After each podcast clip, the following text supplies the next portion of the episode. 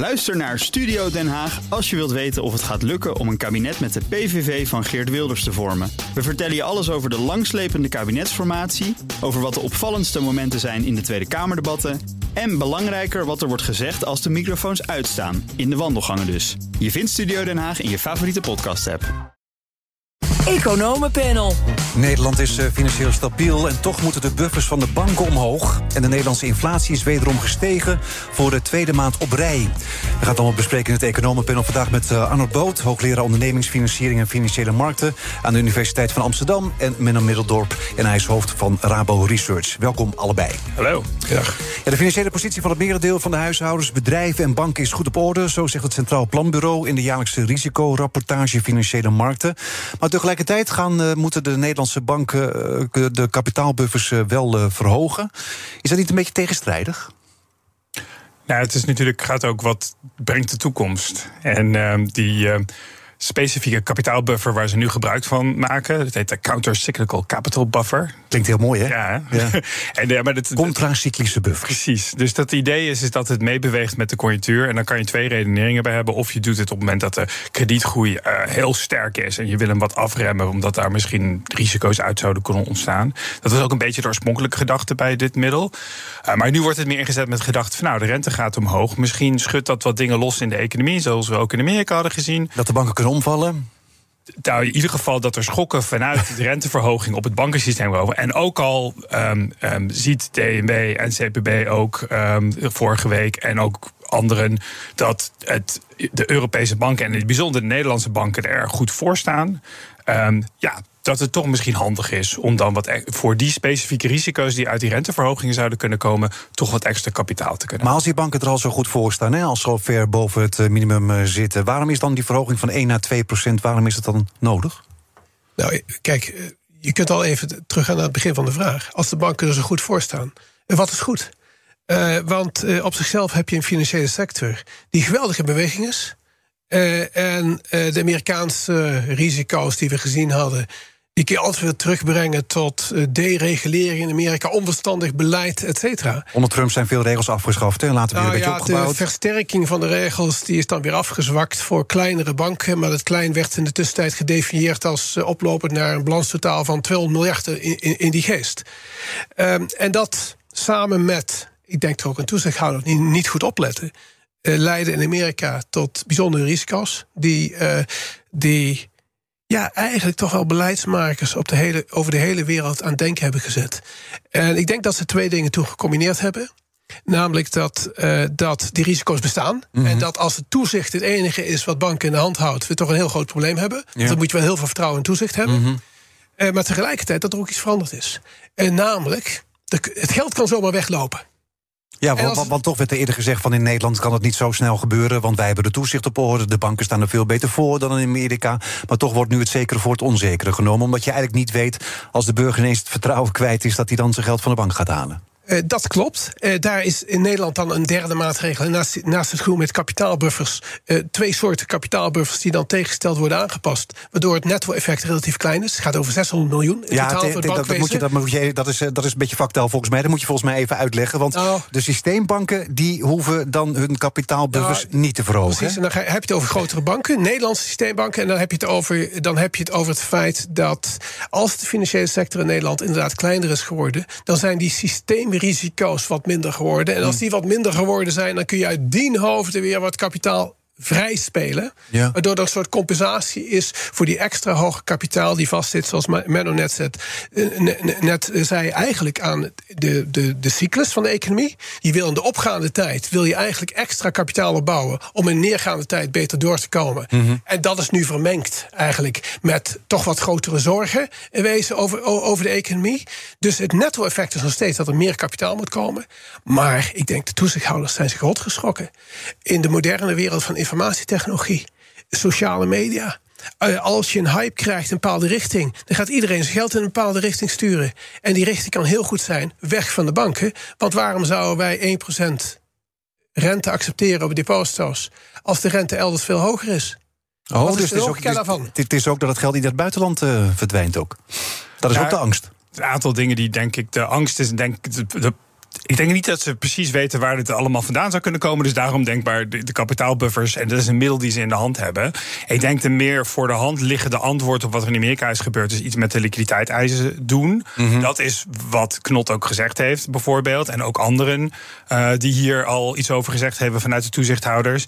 Dus uh, um, daar zal wel waarschijnlijk over nagedacht worden. En de reden dat de liquiditeitseisen eerder aan. dat men daar eerder aan denkt, is die zijn meer direct een antwoord op. heb genoeg geld in kasso. Dat zal heel veel mensen langskomen om geld uh, op te nemen. Dat je dan. Dat geld ook hebt. Dat je dan dat geld ook hebt. In plaats van dat het vertrouwen helemaal verdwijnt en dat het uh, einde in zicht is. Maar goed, die kapitaalbuffer, daar hebben ze gewoon een middel voor. Die ze nu gewoon de ruimte voor hebben om, om dat in te zetten. Dus dan denk ik dat het daarom logisch is, omdat dat vanuit hun perspectief, om dat, dat nu in te zetten. Het is natuurlijk wel altijd zo dat het, het, is, het is een afweging is. Dus je, je verhoogt de kapitaal. Dat betekent ook dat er dat, dat kredietverlening duurder wordt. Mm -hmm. Het betekent ook juist dat de concurrenten van de banken in, in, die, in die nieuwe technologieën, die ook uh, de, de fintechs, et cetera, juist die niet onder die toezicht staan, ook wel meer ruimte krijgen. Dus het verdienmodel van banken wordt ook een beetje aangetast, want die kunnen ook minder geld uitlenen dan Ja, dat, dat, dat is de, de, de schaduwkant zeg, van, van kapitaaleisen. En daarom is het ook heel moeilijk om te zeggen wat het juiste niveau is. Mm -hmm. Het is een afweging tegen risico's die je niet helemaal altijd goed kan inschatten, nee. versus kosten voor de economie.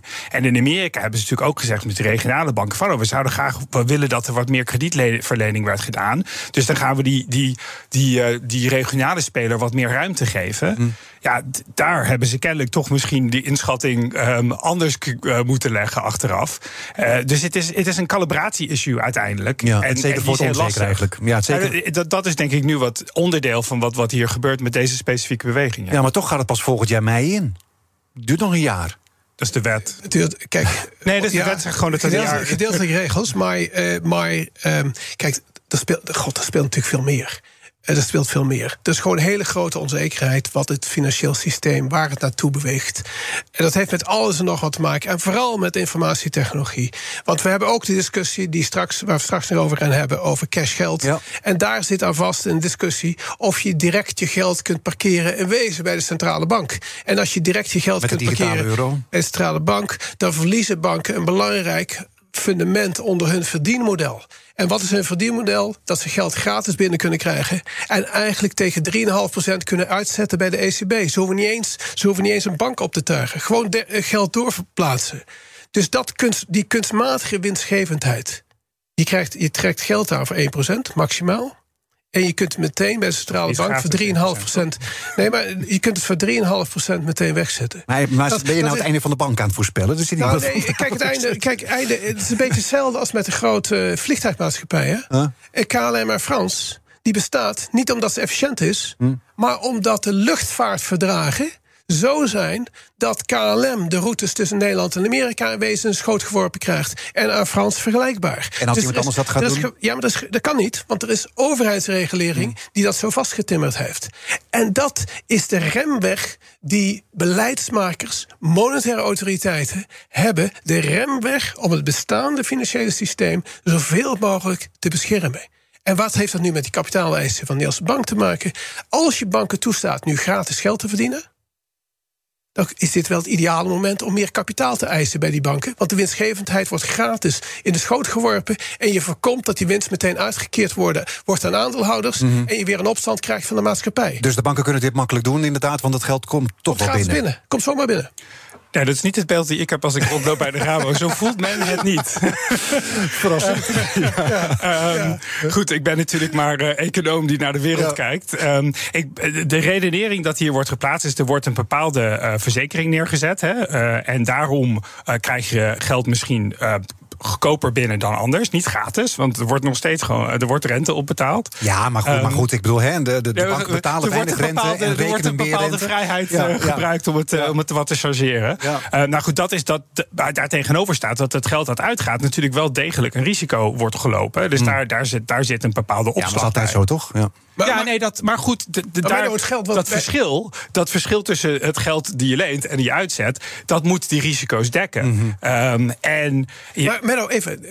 Er worden twee manieren het geld uitgezet. ECB, dat is geen risico, hoop ik, hè, want anders zijn we, hebben we echt een heel groot probleem. Tweede, hypotheken.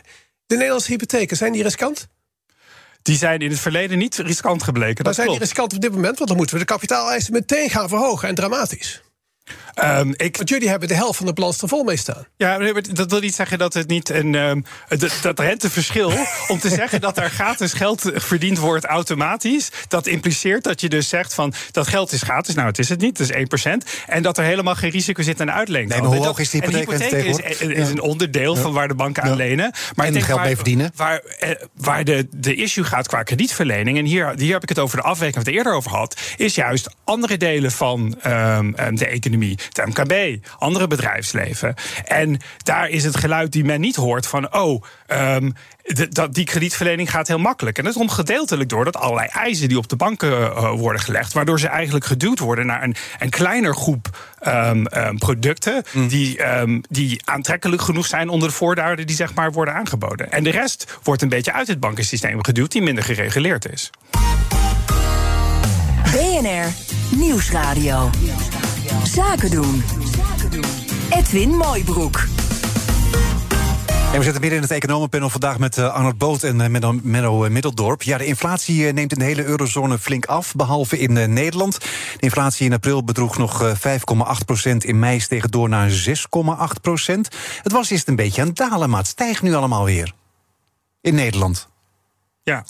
Ja, ik, wil, Dat is ik, ik, ik- kijk, ik wil er wel iets over zeggen, maar het, het, het is natuurlijk aan de ene kant geweldig koffiedik kijken. Als je de maandelijkse, dus de.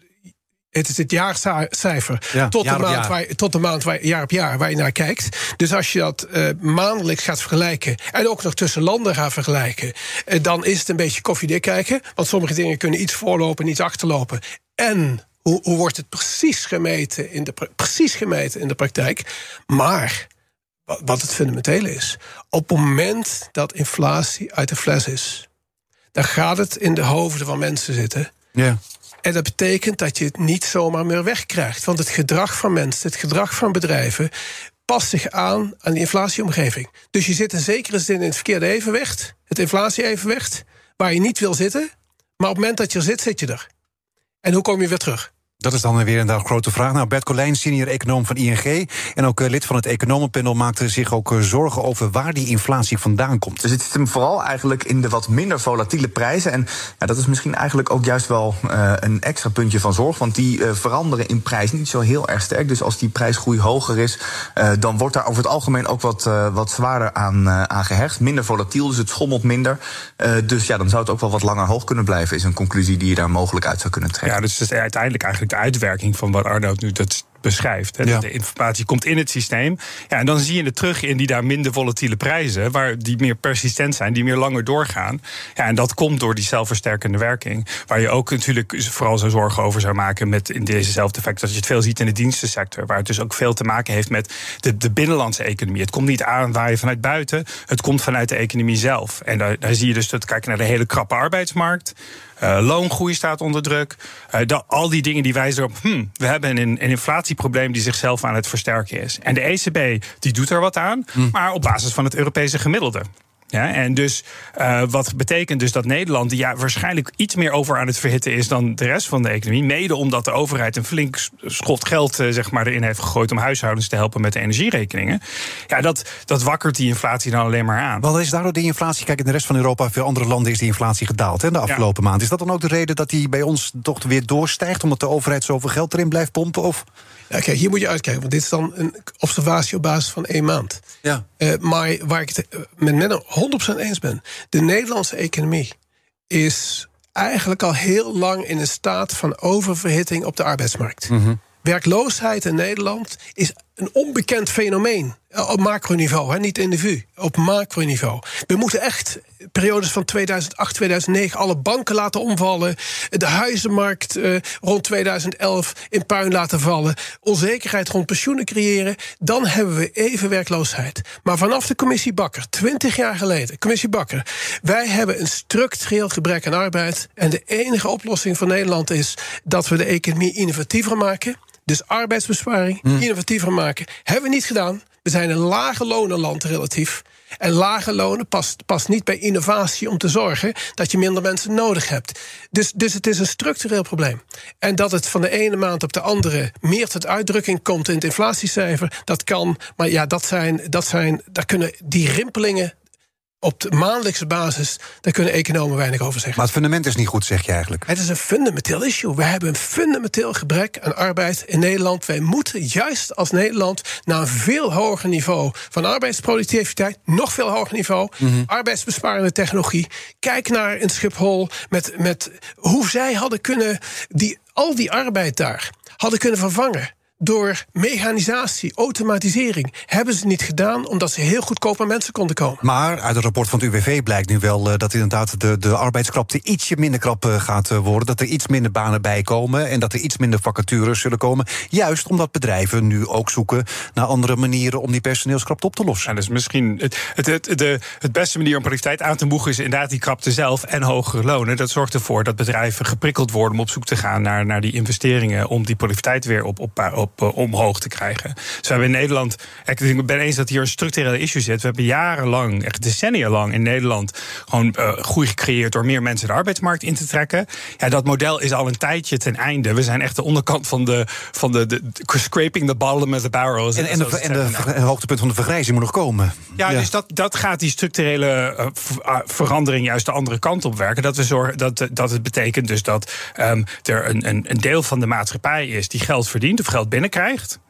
En maar geen arbeidsaanbod aanbieden. Dus ze willen wel dingen, maar ze bieden geen arbeid aan om dat zelf te maken. Dus dat betekent dus dat, en dat is prima, dat is een goed recht, ze gaan met pensioen. Maar het betekent wel dat er onevenwichtigheid in de economie ontstaat. Ja. En dat, dat, dat, dat is inderdaad ook een structurele factor. Maar, maar hoe, hoe, kijk, we zijn echt, uh, er zitten, we zijn af en toe hebben we fenomenale oplossingen uh, gehad. Oplossingen in de geest van dat we, dat we heel veel banen creëerden. Uh, bijvoorbeeld de periode, de vijf jaar periode voor COVID de vijf jaar periode daarvoor, is er 10% punt arbeid bijgekomen. De effectieve pensioenleeftijd, de effectieve, ging, ging vier, vijf jaar omhoog in korte periodes. En de vrouwen gingen ma massaal meer werken. We hebben letterlijk 10% extra FTE-arbeidsplaatsen gecreëerd in een vijf jaar periode. Dat kan wel. Alleen als je die pensioengerechte leeftijd steeds verder opdrukt. en meer vrouwen aan het werk krijgen dan dat er vrouwen zijn, gaat echt niet lukken. Nee. Nou, laten we het hebben over contant geld. Want minister Kaag van Financiën heeft wetgeving aangekondigd om contant geld bruikbaar, beschikbaar, bereikbaar en betaalbaar te houden. Ze wil voorkomen dat banken geld gaan rekenen voor het opnemen van contant geld. Ja, er is al een convenant, hè? Maar ja. nu moet het ook in wetgeving vastgelegd worden, want dat convenant dat loopt in 2027 af. En minister Kaag is bang dat de banken dan toch maar weer geld gaan rekenen. Het kost natuurlijk ook geld om. Ja, maar ja, dat is ook onderdeel van wat de banken doen, toch? Ja, nou goed, bak, bakkers, bakkers bakken brood en verkopen ja. dat. Maar niemand zegt dat ze Maak dat, geld. Moeten, dat ze dat gratis moeten aanbieden. Ja. En, en, en dat zeg ik, ja goed, het covenant is natuurlijk een vrijwillige afspraak tussen de banken. Dus die is er al. En dit wordt dan in, uh, in, in de wet vastgelegd. Um, en dus en ik begrijp heel goed waar Kaag vandaan komt. Die zegt van er zijn sommige mensen die gewoon cash nodig hebben. Ja. En er is natuurlijk ook een belangrijke functie voor cash. Ik was bijvoorbeeld zelf in New York toen Hurricane Sandy um, aan overwaaide. Ik zat in downtown, dus. Mijn automaten deden niet meer. Alles was nee. dicht, dus ja. alle elektronische dingen werken dan niet. En dan is het toch wel handig als je wat cash hebt. Ja. En er zijn ook mensen die gewoon cash, um, die, die cash veel makkelijker vinden, die het moeilijk vinden om op digitale uh, manieren te werken. Maar, maar, maar toch, niet hun mogelijkheid. Maar toch wordt dat uh, inderdaad de laatste jaren vele malen moeilijker gemaakt. Ik bedoel, als je, als je naar een, naar een uh, ATM wil, zeg maar, ik bedoel, dan moet je eerst op zoek. Je moet op zoek. en niet alleen dat. Uh, er zijn allerlei. Ik, ik, was, ik heb gisteren gegeten bij een van de pizzaketen in ja. Amsterdam. Daar wordt geen cash geaccepteerd. Nee. He, dus het is aan beide kanten. Pin, ja. Het is aan beide kanten. Uh, ik was in Parijs afgelopen week. Ik kan je zeggen, we hebben nul keer cash betaald. Ja. Dus ze kijken je aan, echt aan alsof je, alsof je uit het oerwoud komt als je met cash betaalt. Dus laten we. Dus in zekere zin is ook deze. Ik begrijp natuurlijk de, de, de, het covenant en de woorden van, van minister Kaag. Begrijp ik. Uh, maar tenzij we nog andere dingen gaan regelen, is het een achterhoedegevecht. Want cash, uiteindelijk gaat cash verdwijnen. Het is in Nederland eigenlijk op heel veel plaatsen op heel veel plaatsen verdwenen. En inderdaad, als je een hurricane krijgt, dan is cash makkelijk. Maar kun je zeggen dat alle grote winkels in New York... die gaan dicht op het moment dat er een hurricane is... of omdat er een storing is van elektriciteit. En dan heb je geen cash meer nodig. Dus dan heb je die in Amerika dat geweldige inefficiënte systeem van creditcards. Dus zelfs op die moment gaan ze dicht. Dus we zitten in een, in een, we zitten in een soort overgangsperiode. Het gaat verdwijnen, cashgeld. Ja, we zitten in een overgangsperiode... waarbij, eh, waarbij we eigenlijk niet weten wat we met moderne technologie moeten... Dus vooralsnog drukt die cash helemaal weg. Maar, maar, zou het slecht zijn als we geen cashgeld meer zouden nou, hebben? Het punt is, geld is vertrouwen. Geld is vertrouwen. Dus wat gaat er in de toekomst gebeuren met het vertrouwen in alles wat digitaal is? Dus het kan heel goed zijn dat alles wat digitaal is, dat daar zo'n maatschappelijke uh, wantrouwen tegen komt, dat we toch weer equivalenten gaan zoeken. Omdat we dan digitaal geld ook niet meer vertrouwen. Ja. ja, en dat was de laatste discussie over het alternatief, Central Bank Digital Currency, de centrale bank digitaal geld. Mhm. De laatste discussie in de Tweede Kamer werd gedomineerd door zorgen over digitaal, over Big Brother, maar ook cybersecurity, Big Brother is watching, et cetera. Dus er zijn allerlei krachten die nog lang niet uitgekristalliseerd zijn. En dat zijn hele grote maatschappelijke vraagstukken. Kunnen wij die digitale wereld vormgeven op een manier dat maatschappelijk vertrouwen geborgd is? Kunnen we dat? Nou, nou dat, moeten, dat moeten we met elkaar, met elkaar doen.